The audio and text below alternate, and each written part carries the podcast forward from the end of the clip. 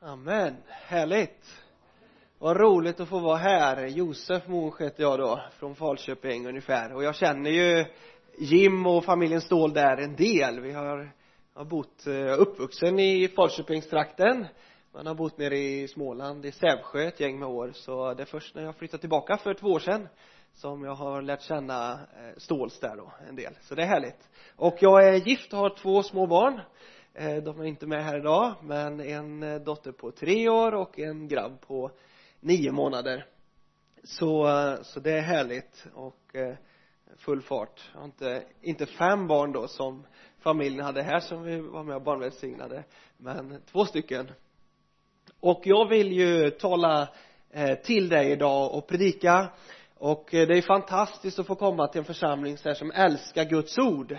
Det märker man ju, ni har redan läst många, vi har läst många ord tillsammans här redan. Och det är underbart. Eh, jag skulle vilja predika över idag ett ämne eh, jag har skrivit som rubrik eh, trons två strider eller liksom våra två strider som vi har att, att möta genom livet eh, som pågår. Eh, vi ska gå och läsa, vi kommer läsa två stycken ställen framför allt då. Och vi ska gå och läsa i, i Galaterbrevet först. Galaterbrevet 5 och så läser vi från vers 16 och framåt.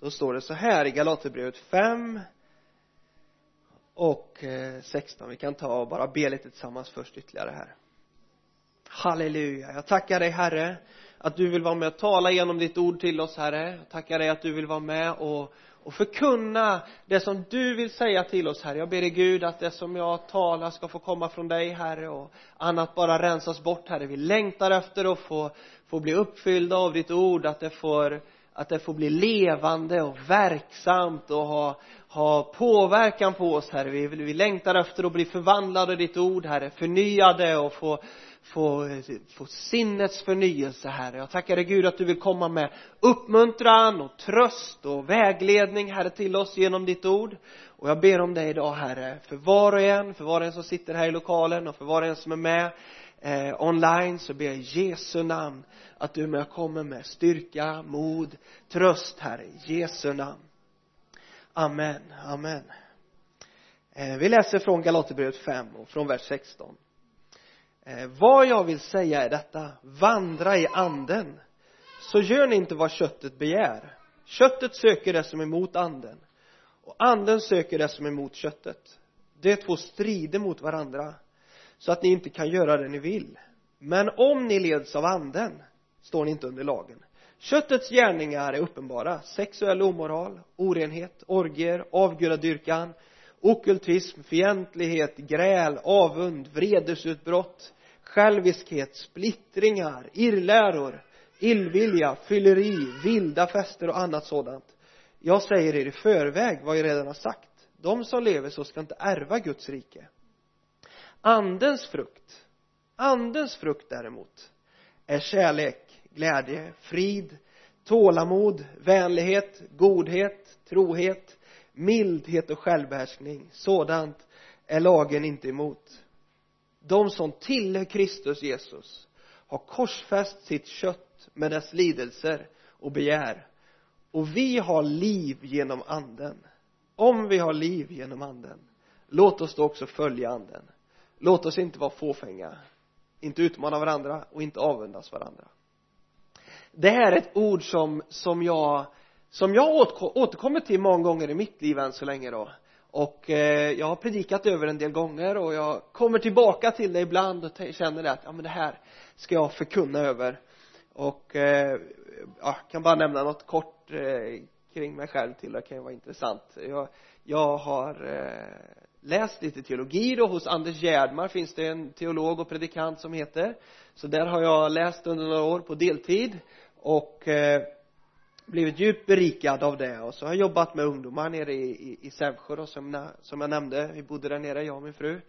Eh, och nu så är vi med i en församlingsplantering eller en liten församling i Falköping. Eh, så, så där är vi med nu i ledarskapet där. Och eh, det är fantastiskt härligt att få vara med och vara med och bygga församling eller vara med och, och engagera sig och vara drivande i församling. Jag vet inte hur du känner i ditt liv men för mig så så är det ju så att det finns ju mycket man kan göra. Det finns mycket man kan syssla med och man behöver ta hand om om sin familj, man behöver ta hand om, om sig själv liksom till viss del, man kan inte bara strunta i, i, i, i livet i allmänhet. Eh, men jag brinner för Guds församling. Jag brinner för Guds rike. Det är det som upptar längtan och hungern att få vara med. Alltså man kan ju man kan ju brinna i livet för att för att bli rik eller någonting eller att bli framgångsrik eller populär och sånt där. Men jag tror att att du som jag förmodligen känner det att det är inte så intressant med de sakerna utan det som man brinner för, det man längtar efter är att få vara med och betyda någonting för någon. Att få vara med och utbreda Guds rike på ett eller annat sätt. Eh, och eh, jag har inte liksom några stora gigantiska saker som jag har eh, genomfört för Guds rike men jag längtar efter det är det som upptar mitt liv att få vara med och, och vara bety för betydelse för ja, i tjänst för Gud på ett eller annat sätt. Och så får, får man se liksom på vilket sätt det blir och hur mycket det blir och så vidare. Men eh, det är det som som vi brinner för, jag och min fru och, och våran familj. Eh, men åter till, till gudsordet här nu då. Så ser vi här att Paulus han skriver om att det här är en, en strid som sker. Och eh, det första som jag skulle vilja peka på för dig det är det att Paulus säger detta till de troende. Det här är inte till de ofrälsta som han skriver utan det är faktiskt till de troende. Man kan ju kanske då så kan man ju rita upp någon teoretisk bild av att när man blir frälst, när man börjar gå med Gud då försvinner alla problem liksom. Då existerar inga problem längre. Och så tänker man nu är det fantastiskt, nu går jag med Gud, jag, jag är frälst, jag är döpt, det finns ingenting kvar av det gamla. Och det står ju så att vi begraver den gamla människan och det är sant va? Men många gånger i, i tron på Gud, i livet med Gud så behöver man kunna hålla flera saker liksom samtidigt eh, uppe och eh, inte tappa bort att det finns liksom flera eh, nivåer eller perspektiv på detta. Och, och det som Paulus lyfter fram här då är ju ett av dem där han säger det att att de här två, köttet och anden, de strider mot varandra. Och det säger han då inte bara till den som är ofrälst. Utan det här säger han ju till de troende i Galatien. Han säger till dem det här är en strid i era liv som ni kommer få kämpa med eh, mellan köttet och anden. Och den är ni kallade att hela livet ta och vi kan vinna han säger inte här heller att ja men ni kommer förlora jämt och ständigt. Utan vi kan faktiskt vinna seger. Och sen kan striden komma tillbaka men vi kan vinna seger. Ibland misslyckas vi så är det. Men vi är kallade att vara med och vinna på de här områdena.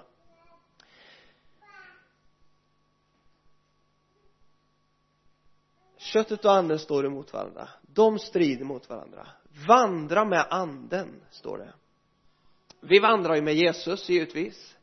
Men men det är viktigt att vi kommer ihåg att det är det är primärt är det anden som finns här på jorden som är utgjuten för att vara med och hjälpa oss. Sen ber vi till Jesus, vi ber till Gud, vi ber till Fadern. Men anden finns till våran hjälp och, och vägledning och så är det där, det hänger ihop. Men eh, Jesus är med oss genom anden. Om vi talar här om de här olika sakerna då han, han talar om, vi ska återkomma till den här striden men han lyfter fram att köttet och köttet då det, det låter ju som, ha, handlar det om liksom griskött eller, eller nötkött eller vad är det för något han talar om här? Nej men det är ju det är ju den, den gamla människan den, den människan vi är födda vi är en fallen varelse säger bibeln. Från Edens lustgård när Adam och Eva föll i synd så så har det sedan dess funnits problem hos människan som vi behöver kämpa med. Och det är köttet. Det är köttet. Och sen när vi blir frälsta, när vi blir födda på nytt, när vi börjar vandra med Gud så, så får vi liv i anden. Vi får leva tillsammans med anden. Och eh, och då köttet, om vi börjar där så är det vår fallna mänskliga natur. Eh, det är våra känslor, det är våra begär, det är när våra egna tankar styr. Det är att leva efter köttet. Och han raddar ju upp en lång lista här och en del saker är lite de är lite komplicerade, de är lite krångliga och jag har inte tänkt att reda ut allt detta, det får någon annan göra i ett bibelstudie kanske vid något tillfälle.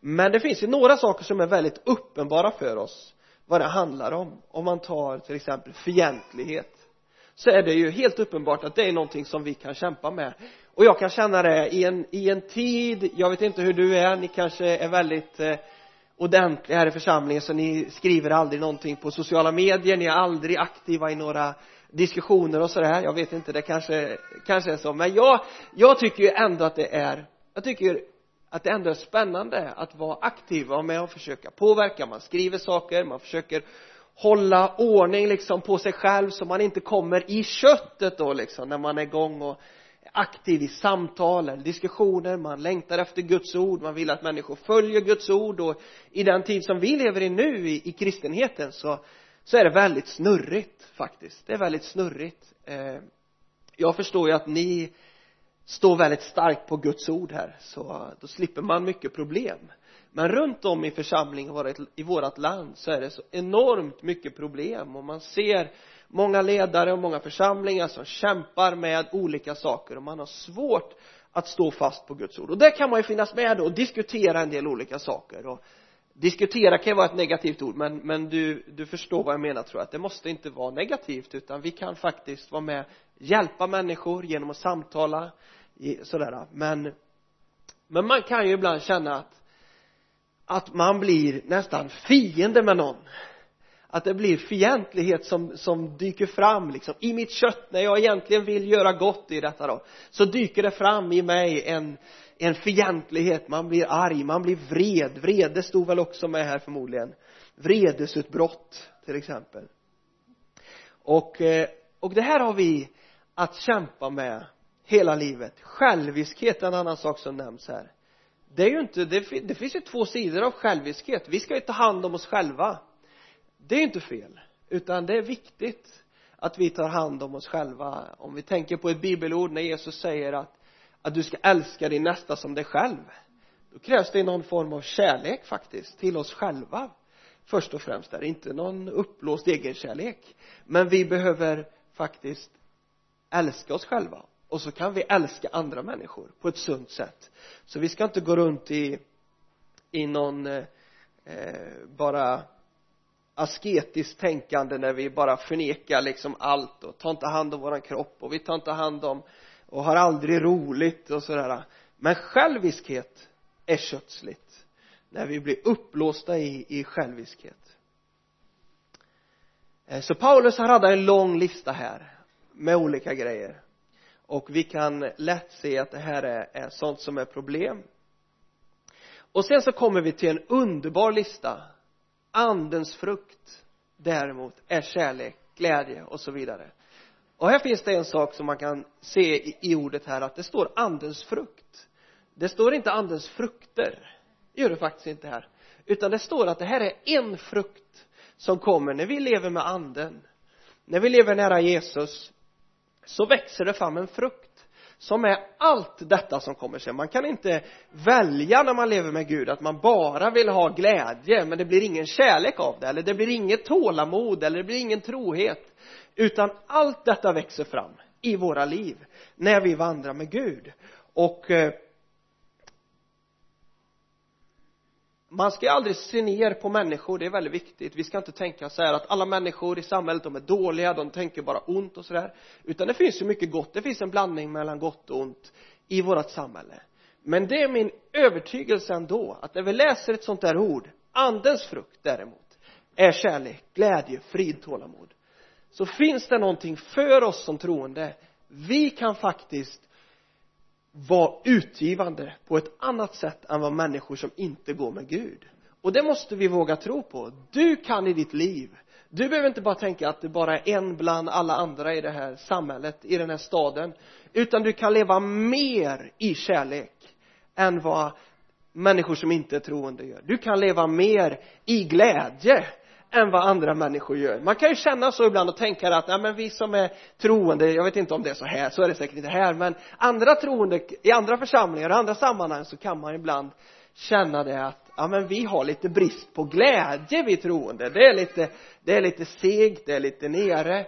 Men det är inte Guds tanke utan när anden flödar i församlingen när anden flödar i ditt och mitt liv så sprudlar det av glädje det finns en glädje i den helige ande som är underbar och ett, ett ord som jag älskar ifrån första Petrusbrevet eh, då står det så här att, att vi jublar i obeskrivlig himmels glädje då vi är på väg att nå målet för våran tro, våra själars frälsning. Det är ett underbart ord och det handlar ju om, om bara det faktumet att du och jag är på väg till himmelen.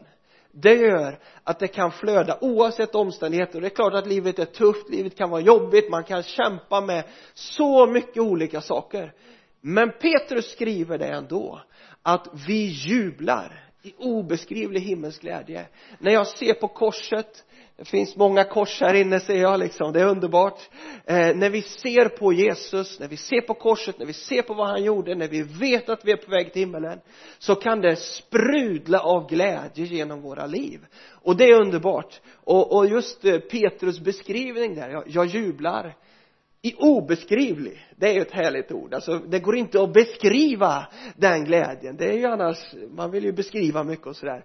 Och så är den inte, det är inte en jordisk glädje. Det är inte sån glädje som människor upplever här på jorden. Utan det är en obeskrivlig himmelsk glädje som vi kan ha i Jesus Kristus, när vi ser vad vi är på väg. Och det är en del av det som Paulus talar om här också då, när det talar om andens frukt däremot är kärlek. Och andens frukt vill komma till oss på många sätt och flöda genom oss vänlighet glädje godhet. Tänk vad det är. Det är någonting och jag tror det är för våran tid när det handlar om man ser runt omkring oss i vårt samhälle så många människor som mår dåligt och så mycket av psykisk ohälsa som man pratar om. Eh, och det ska man inte bara liksom prata om slentrianmässigt för det kan vara så tufft, det kan vara så jobbigt, det kan vara så kämpigt. Det är inte alltid bara en, en snabb fix för att få ordning liksom på det som är kämpigt i själen, i ens inre. Men men det är sant utifrån skriften, utifrån Guds ord så är det ändå sant att anden, andens liv vill komma med kärlek, vill komma med glädje, vill komma med frid, vill komma med vänlighet, vill komma med eh, Eh, den här godheten och i våra församlingar i Sverige så ska vi kännetecknas av det. Vi ska inte vara kända för att, att man bara kommer till en kyrka och är där några timmar och sen så blir man lämnad liksom för resten av veckan. Utan, utan våra församlingar ska vara fyllda av vänlighet, ska vara fyllda av gemenskap. Och det är ju många gånger så att, att det kan vara jobbigt det kan vara jobbigt att leva i kärlek och vänlighet till människor. För det, det kostar i ditt och mitt liv. Men, men det är inte i våran egen kraft vi ska orka med detta. Det är inte, inte liksom det står inte så här att den troende som kämpar och sliter i egen kraft ska få som frukt i sitt liv kärlek och glädje och, och frid och tålamod utan det står att det är andens frukt det är andens frukt i våra liv så det är inte ett flöde som du och jag ska få bara i vår, vi, vi behöver ju vilja, vi behöver ju sträcka oss mot Gud, givetvis. Men det är inte vi som producerar frukten, utan det är Gud som gör det i våra liv. Och det är en sån otroligt stor skillnad på de två sakerna om vi återgår till eh, till den här striden så står då mellan köttet och anden så är det just det som jag sa nu att det är våran uppgift att vinna den här striden dagligen mellan köttet och anden genom att välja livet med anden. Då får vi kraft att inte leva i köttet. Då får vi kraft att ta död på köttet. Då flödar andens liv fram. Hur hur lever vi i anden? Hur lever vi i anden? Alltså jag tror det när det handlar om ett sånt här bibelställe som Paulus tar här så när han skriver detta så är det så, det är så vitalt, det är så centralt i våra kristna liv och du hör säkert detta om och om igen kanske, men det är så, det, det är det här som man behöver göra för att det ska flöda av liv för dig och mig. Man kan ibland känna så här, och när jag, jag har läst teologi några år så här, men, men, men sanningarna blir inte speciellt nya liksom, för att man läser, man, man, det, det räcker gott och väl i så mycket att du och jag läser vad som står i enkelhet här och ser vad, vad är det han skriver jo det står i Guds ord att vi kan leva med anden att vi kan leva med anden och att det ger liv. Eh, vi kan gå och läsa det bibelord från Jesus i Johannes kapitel 7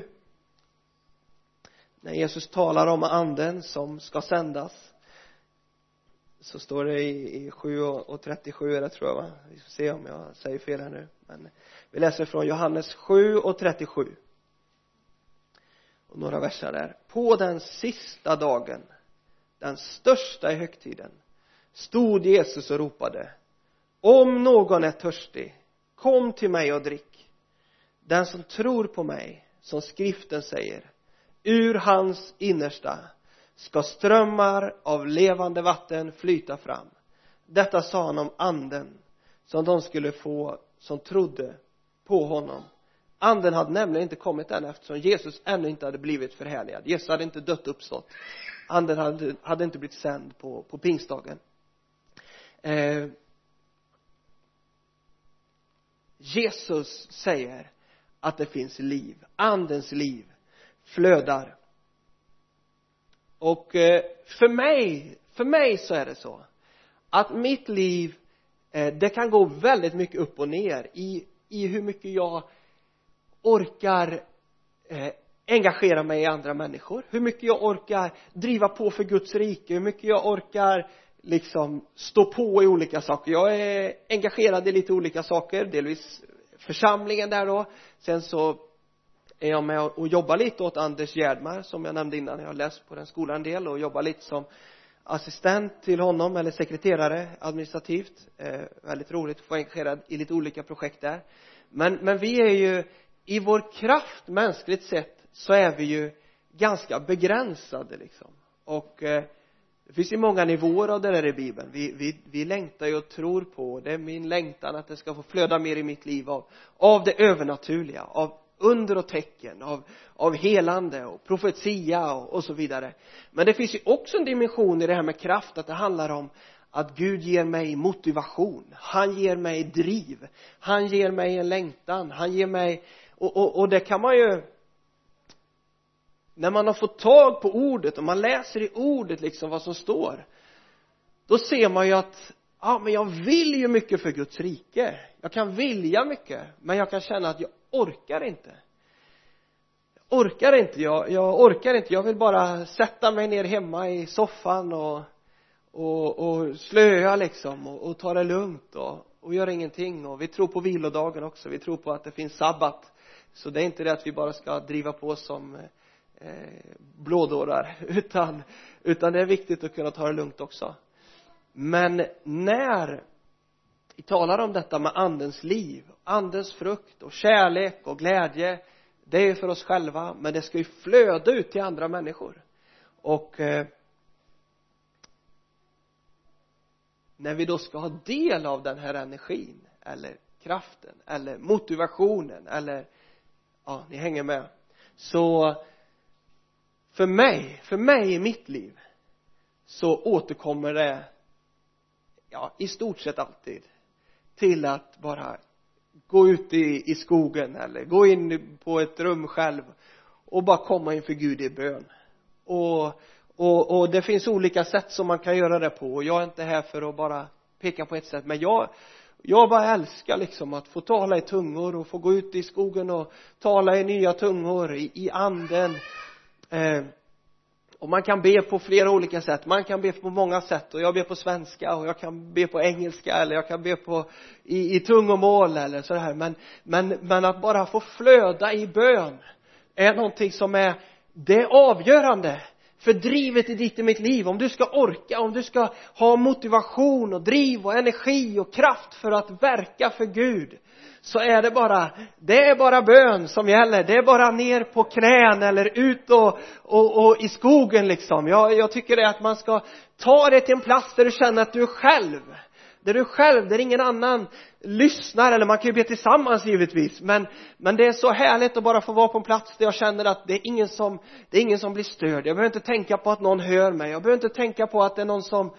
som, eh, som lyssnar på mina böner, utan jag bara går ut. Jesus gick ut i ödemarken. Det står i, i Lukas i början där tror jag det står att han gick ofta ut i, i ödetrakter eller på ensliga platser och bad det står att han, han gick upp liksom innan lärjungarna vaknade. De hade väl massa frågor och saker som de ville prata med Jesus om och sådär och, och behov och men Jesus han gick undan, han gick undan till ödetrakter för att be. Och bön är inget krav.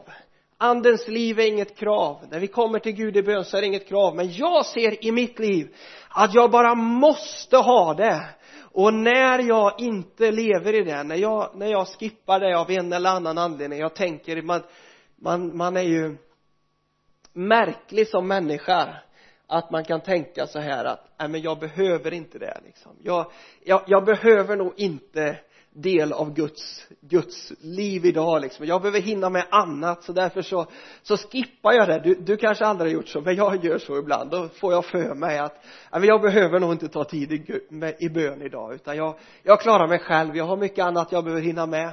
Men, men eh, det går ju inte eh, många dagar eller många timmar kan det vara ibland man känner men det går inte många dagar man kan leva på det sättet att skippa det och så är man bara tom man är bara tom på insidan. Man är tom på Guds liv. Och så inser man det då att ja just det ja. Samma sak igen. Det är ju faktiskt så att jag behöver av Guds liv. Jag behöver be. Jag behöver komma till honom i hans närhet. Och eh, och det är förmodligen den, den största lögnen som djävulen lurar i dig och mig. Att vi inte behöver Guds närhet. Att vi inte behöver hans liv och, och jag blir ju förvånad och, och, och du kanske tycker att jag är liksom att jag borde sköta mig bättre om men jag blir förvånad över hur ofta jag glömmer av det. Hur ofta jag får för mig att jag klarar mig själv i det. Och eh, när man talar om om den här striden mellan anden och köttet så behöver man vara medveten om för köttet är ju våran mänskliga natur den fallna naturen den som som vi blir av med när vi kommer till himmelen då finns inte den kvar. Men här på jorden så är det en strid mellan köttet och anden. Och då behöver man ju förstå det att, att köttet är väldigt bra kompanjon med djävulen. Och man ska inte betona och prata för mycket om djävulen liksom. Men det, han finns ju där och verkar. Och han kommer alltid samarbeta med, med den fallna naturen i oss. Eh, när vi är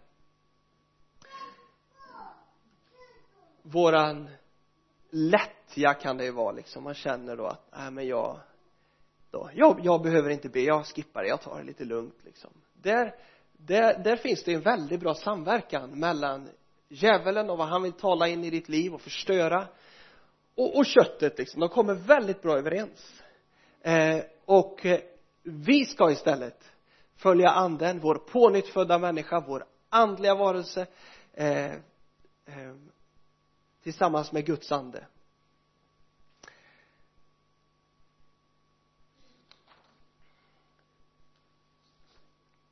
Och det här kommer ju in på den, den andra striden då som vi har i våra liv.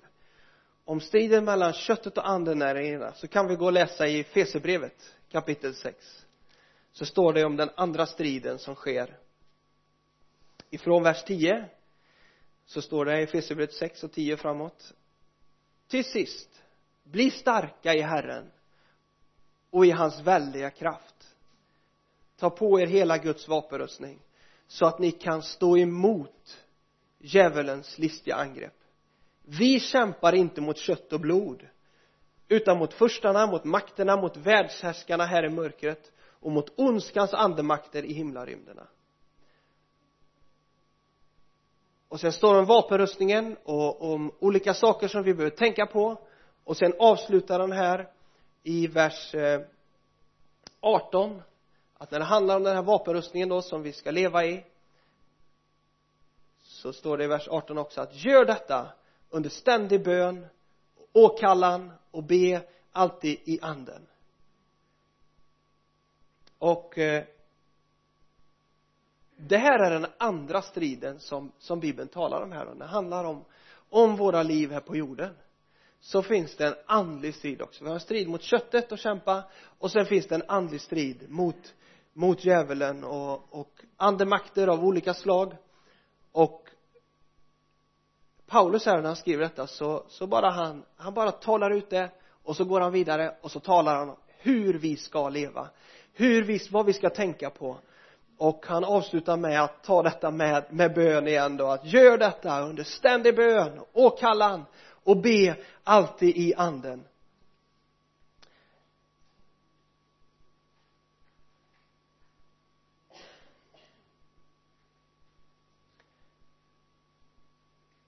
Och det är också en lögn. Det är en lögn som djävulen gärna säger till oss i Sverige i alla fall att nej men jag finns inte jag existerar inte. Eller det finns inga finns inga ondande, det finns ingenting som påverkar. Och man ska inte liksom gå och leta demoner överallt sånt, det är inte sunt.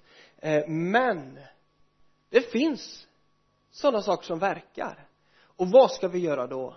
Jo vi ska kasta oss på Jesus. Vi ska hålla oss nära honom. Vi ska leva med anden. Vi ska ta på oss den här vapenrustningen ta på hela Guds vapenrustning. Och de här olika sakerna som står här då eh, ta på er. Stå alltså fasta med sanningen som bälte runt höfterna. Vi ska leva i sanning alltså. Lögn är livsfarligt för en troende. Lögn är farligt. Det bjuder in liksom för att, för att djävulen kan agera i våra liv.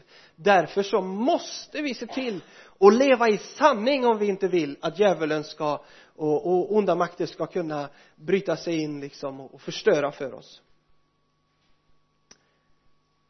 Klädda i rättfärdighetens pansar. Rättfärdighet handlar ju om, om två saker. Delvis så handlar det om att vi har fått rättfärdighet genom frälsningen. När vi går med Gud så står det att vi är rättfärdiggjorda vi har fått rättfärdighet, Guds rättfärdighet. Vi har inte det oss själva men genom Jesus så är vi rättfärdiga. Vi har det rätt ställt med Gud. Djävulen kan inte anklaga oss, han kan inte peka på gamla synder och säga att, att det där är någonting som du eh, liksom, du, du är inte, du har det inte rätt med Gud, Gud kommer döma dig, jag, jag kan slå ner dig, du är fel, du är dålig. Utan vi är rättfärdiga genom det som han har gjort på korset, det som Jesus har gjort men sen är det också rättfärdighet har ju faktiskt också med att leva ett liv i rättfärdighet. Att inte göra det som är fel. Eh, det handlar om helgelse. Och eh, det är vi också kallade till. Bär som skor på era fötter den beredskap som fridens evangelium ger. När vi får tag på fridens evangelium så gör det oss förberedda. Vi är på tå liksom. Och, och de här skorna som eh, Paulus talar ju om en soldat här då när vi läser om, om den här rustningen. Så, så var det ju de här romerska soldaterna det var ju rejäla skor liksom. Det var ju inte alltså det var ju riktiga terrängskor med eh, jag tror man hade ju liksom stålförsedda så att det var bra grepp oavsett underlag i, i, i snårig terräng eller i lera eller var, var de var och stred liksom så, så skulle man ha bra fäste och fridens evangelium. När vi går med Gud, när vi har blivit frälsta då får vi ett evangelium som ger frid som ger oss ett rejält fäste eh, i tron. Vi ska inte behöva vara rädda. Vi, vi, vi slås inte undan, vi tappar inte greppet. Utan friden och fridens evangelium ger oss bra fäste som håller oss upprätta när djävulen försöker attackera oss. Ta dessutom trons sköld. Med den kan ni släcka den ondes alla brinnande pilar. Vi står fast i tro på Gud, på hans ord. Och det med oss släcker när, när djävulen kommer emot oss och vill vara med och tala in lögn i våra liv eller slå ner oss på olika sätt så kan vi tala tro. Vi kan tala det som står i Guds ord för att det är sant. Det är sant det som står. Och eh, vi kan tala ut om han säger till dig att du är inte frälst du är dålig du är, eh, du kan inte. Så kan vi tala ut det som är sant ifrån Guds ord.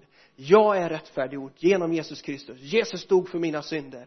Jag är ett Guds barn. Jag, jag är Guds avbild. Det är ju när, när djävulen försöker säga till dig och mig att, att vi inte kan att du kan inte göra någonting i Guds rike. Du, du, du kan inte betyda någonting för någon. Så, så kan du istället tala ut och säga det jag är skapad till Guds avbild. Han har lagt ner gåvor i mitt liv som jag ska använda. Det finns talenter. Det finns ju en liknelse som Jesus säger att vi alla människor har fått talenter. Alla människor har fått gåvor från Gud som han vill vara med och ge. Och, och Paulus skriver om att, att anden ger av sina nådegåvor till oss. Eh, det står inte att bara vissa får utan det står att alla ska få eh, av gåvor av nåd. Inte för att vi förtjänar det men för att Gud vill ge dig och mig gåvor som vi kan använda för att för att hjälpa varandra. Eh, ta emot frälsningens hjälm och andens svärd som är Guds ord. Vi kan svinga Guds ord mot det som eh, slår mot oss så de här två striderna är det, det är grundläggande. Men jag, det, det är min övertygelse efter jag är många av er är äldre än mig. Men eh, min erfarenhet än så länge är det att det är egentligen de enkla sanningarna som bygger ett starkt kristet liv.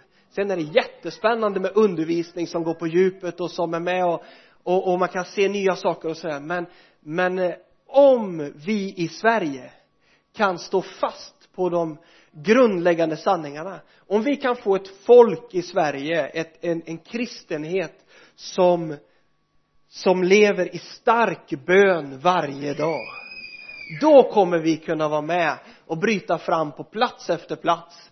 Det är min, det är min fullständiga övertygelse från Guds ord. Och jag tror att vi kan vara säkra på att utifrån utifrån väckelsehistoria så är det fullständigt sant att varje väckelse står på Guds ord. Varje väckelse lever starkt i bön flödar av andens liv i bön. Eh, det, det, finns ingen väckelse som inte föds genom bön, som inte lever genom bön. Och, och jag fick ju höra här, jag hade inte koll på det men att Levi Petrus att han döptes en gång i tiden här i dopgraven. Och, och för några år sedan så gav de ju nytryck på en av hans klassiska böcker eh, segrande bön eller vad den hette Sjöbergs förlag gav ut den. Har man inte läst den kan man göra. Jättekort, superbra. Och, eh, och Levi Petrus var en man som levde i bön. Han bara flödade i bön för han visste det att det är det som bär det är det som bär det är det som funkar. Och, och läser man om, om väckelsen på Azusa Street med pingstväckelsen i början av 1900-talet så så han William Joseph Seymour en, eh, en afroamerikan enögd låghalt. Eh, jag har inte ens koll på vad det ordet betyder riktigt men han var ju halt på något sätt.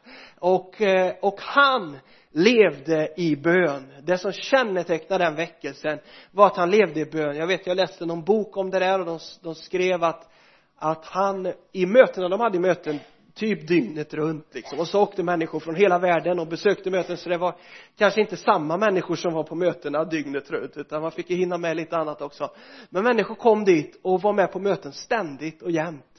Och han hade någon, någon form av låda som han satte sig i på mötena. Och så bara han bad. Han, han kanske inte lyssnade liksom på, på så mycket hela tiden vad som hände och, och, och deltog i allt. Men han bara satt där och var i bön. Och sen så hände det saker som, som Eh, gav honom sorg och som splittrade sammanhanget där. Och, och i den boken som jag läste så sa de det att det var ju förmodligen när han när, när bönelivet för honom liksom slogs åt sidan när han drabbades av sorg där och, och, och så så, så bromsade det och slog ner det som skedde. Eh, så, så i, i bibeln kan vi läsa om att det är bön och andens liv som gör att eh, att väckelse föds och i väckelsehistoria läser vi samma sak. Så det är för dig och mig. Och som sagt och det tror jag är viktigt när det handlar om bön och när det står att vi ska följa anden, leva med anden att det är så lätt att det blir prestationsfyllt. Eh, men det är så tragiskt att, att vi känner så. För i ett, i ett äktenskap när jag när jag lever med min, med min fru liksom så så, så det är klart att jag, jag skulle ju kunna känna så och det, och det kan man göra i sitt kött liksom, kötslig människa. Så kan man känna så att åh vad jobbigt liksom att eh, att, att vi måste umgås. Det, och det är ju tragiskt va i så fall. Men, men det är klart man kan tänka sig det i teorin att åh vad jobbigt liksom. Jag är gift och jag, jag måste umgås med min äkta hälft. Men men, men det är ju tragiskt om man känner så och det är ju så fel och ingen relation ska vara sån och inte relationen till Gud heller ska inte vara sån utan du och jag eh, är kallade till en relation som ska vara fylld av glädje, av kärlek med Gud, av närhet med Herren eh, som ska flöda. Så min utmaning till dig delvis så jag är jättegärna med och ber för den som vill om du bara känner åh jag bara längtar efter mer av av, av eh, av liv i bön och att följa anden eller du kämpar med någonting i detta liksom av, av, av köttet i din, i din gamla natur du kämpar med någonting av synd eller någonting som pressar dig eh, eller du känner jag bara måste få tag på mer av andens liv. Eller du längtar efter om du längtar efter den nådegåvan av tungotal att den ska flöda i ditt liv så ber jag jättegärna för det med dig och, och eh, men det det bara finns en eh, en sån eh, kärlek från Gud. Eh, det är ju alltså just det jag, jag tänker ofta på det med, med mänsklig relation eller med vänner eller med, med, din, med dina barn eller dina föräldrar eller sådär. Det är ju inte tänkt att de relationerna ska vara prestationsfyllda. Det kan de bli också men när vi bara känner att, att livet med Gud bara är jobbigt, det är jobbigt att ta tid i bön då har det bara blivit helt fel liksom. För det är ju inte så det är inte så det ska vara. Det är ju inte det som är Guds tanke. Utan han vill ju han vill ju att du ska komma till honom i i glädje och att det ska få det ska få flöda i dialogen med Gud. Han vill komma med liv när vi kommer till honom. Och ibland så behöver man bara bryta igenom i sitt böneliv. Då behöver man stå på lite om det, om det är saker som är i vägen om det är någonting som hindrar. Eh, ja vi bara ber tillsammans också som avslutning här. Tack Jesus att du vill vara med och låta oss vinna seger herre på de här områdena i de här striderna som som pågår så länge vi finns på den här jorden. Striden mellan köttet och anden som du vill att vi ska få vinna i och ibland misslyckas vi och ingen är perfekt och ingen är fullkomlig ingen av oss. Men du vill att vi ska få vinna seger du vill att när vi misslyckas så får vi resa oss igen. Då får vi kliva upp igen här och du vill inte att vi ska leva i fördömelse och vara slagna utan du vill resa på oss och hjälpa oss upp i frimodighet så vi kan kliva fram till dig Herre. Och du vill att vi ska få vara med och, och bara stå emot djävulens listiga angrepp som kommer på så många fronter. Och jag ber i Jesu namn att du är med och bara välsignar mina bröder och systrar Herre med att de får känna att yes, jag vill, jag vill leva i seger, jag vill leva i, i seger på olika områden och på alla de områden som du kallar oss till Herre jag tackar dig för det Herre. Jag tackar dig för att vi får leva i en nära relation till dig Herre som är nyckeln Herre till att leva i seger Herre tillsammans med andra saker. Men du ser att det, det mest fundamentala är att vi får leva med med dig i bön, Herre, i närhet, i lovsång, i bön, i, i anden, Herre. Att vi följer anden, att vi följer dig, Herre. Att vi följer dina maningar, att vi följer dina viskningar. Att vi följer dig, Herre, i närhet, Herre. Och jag ber om det i Jesu namn, att du är med och välsignar var och en här, Herre. I Jesu namn. Amen. Amen. Amen.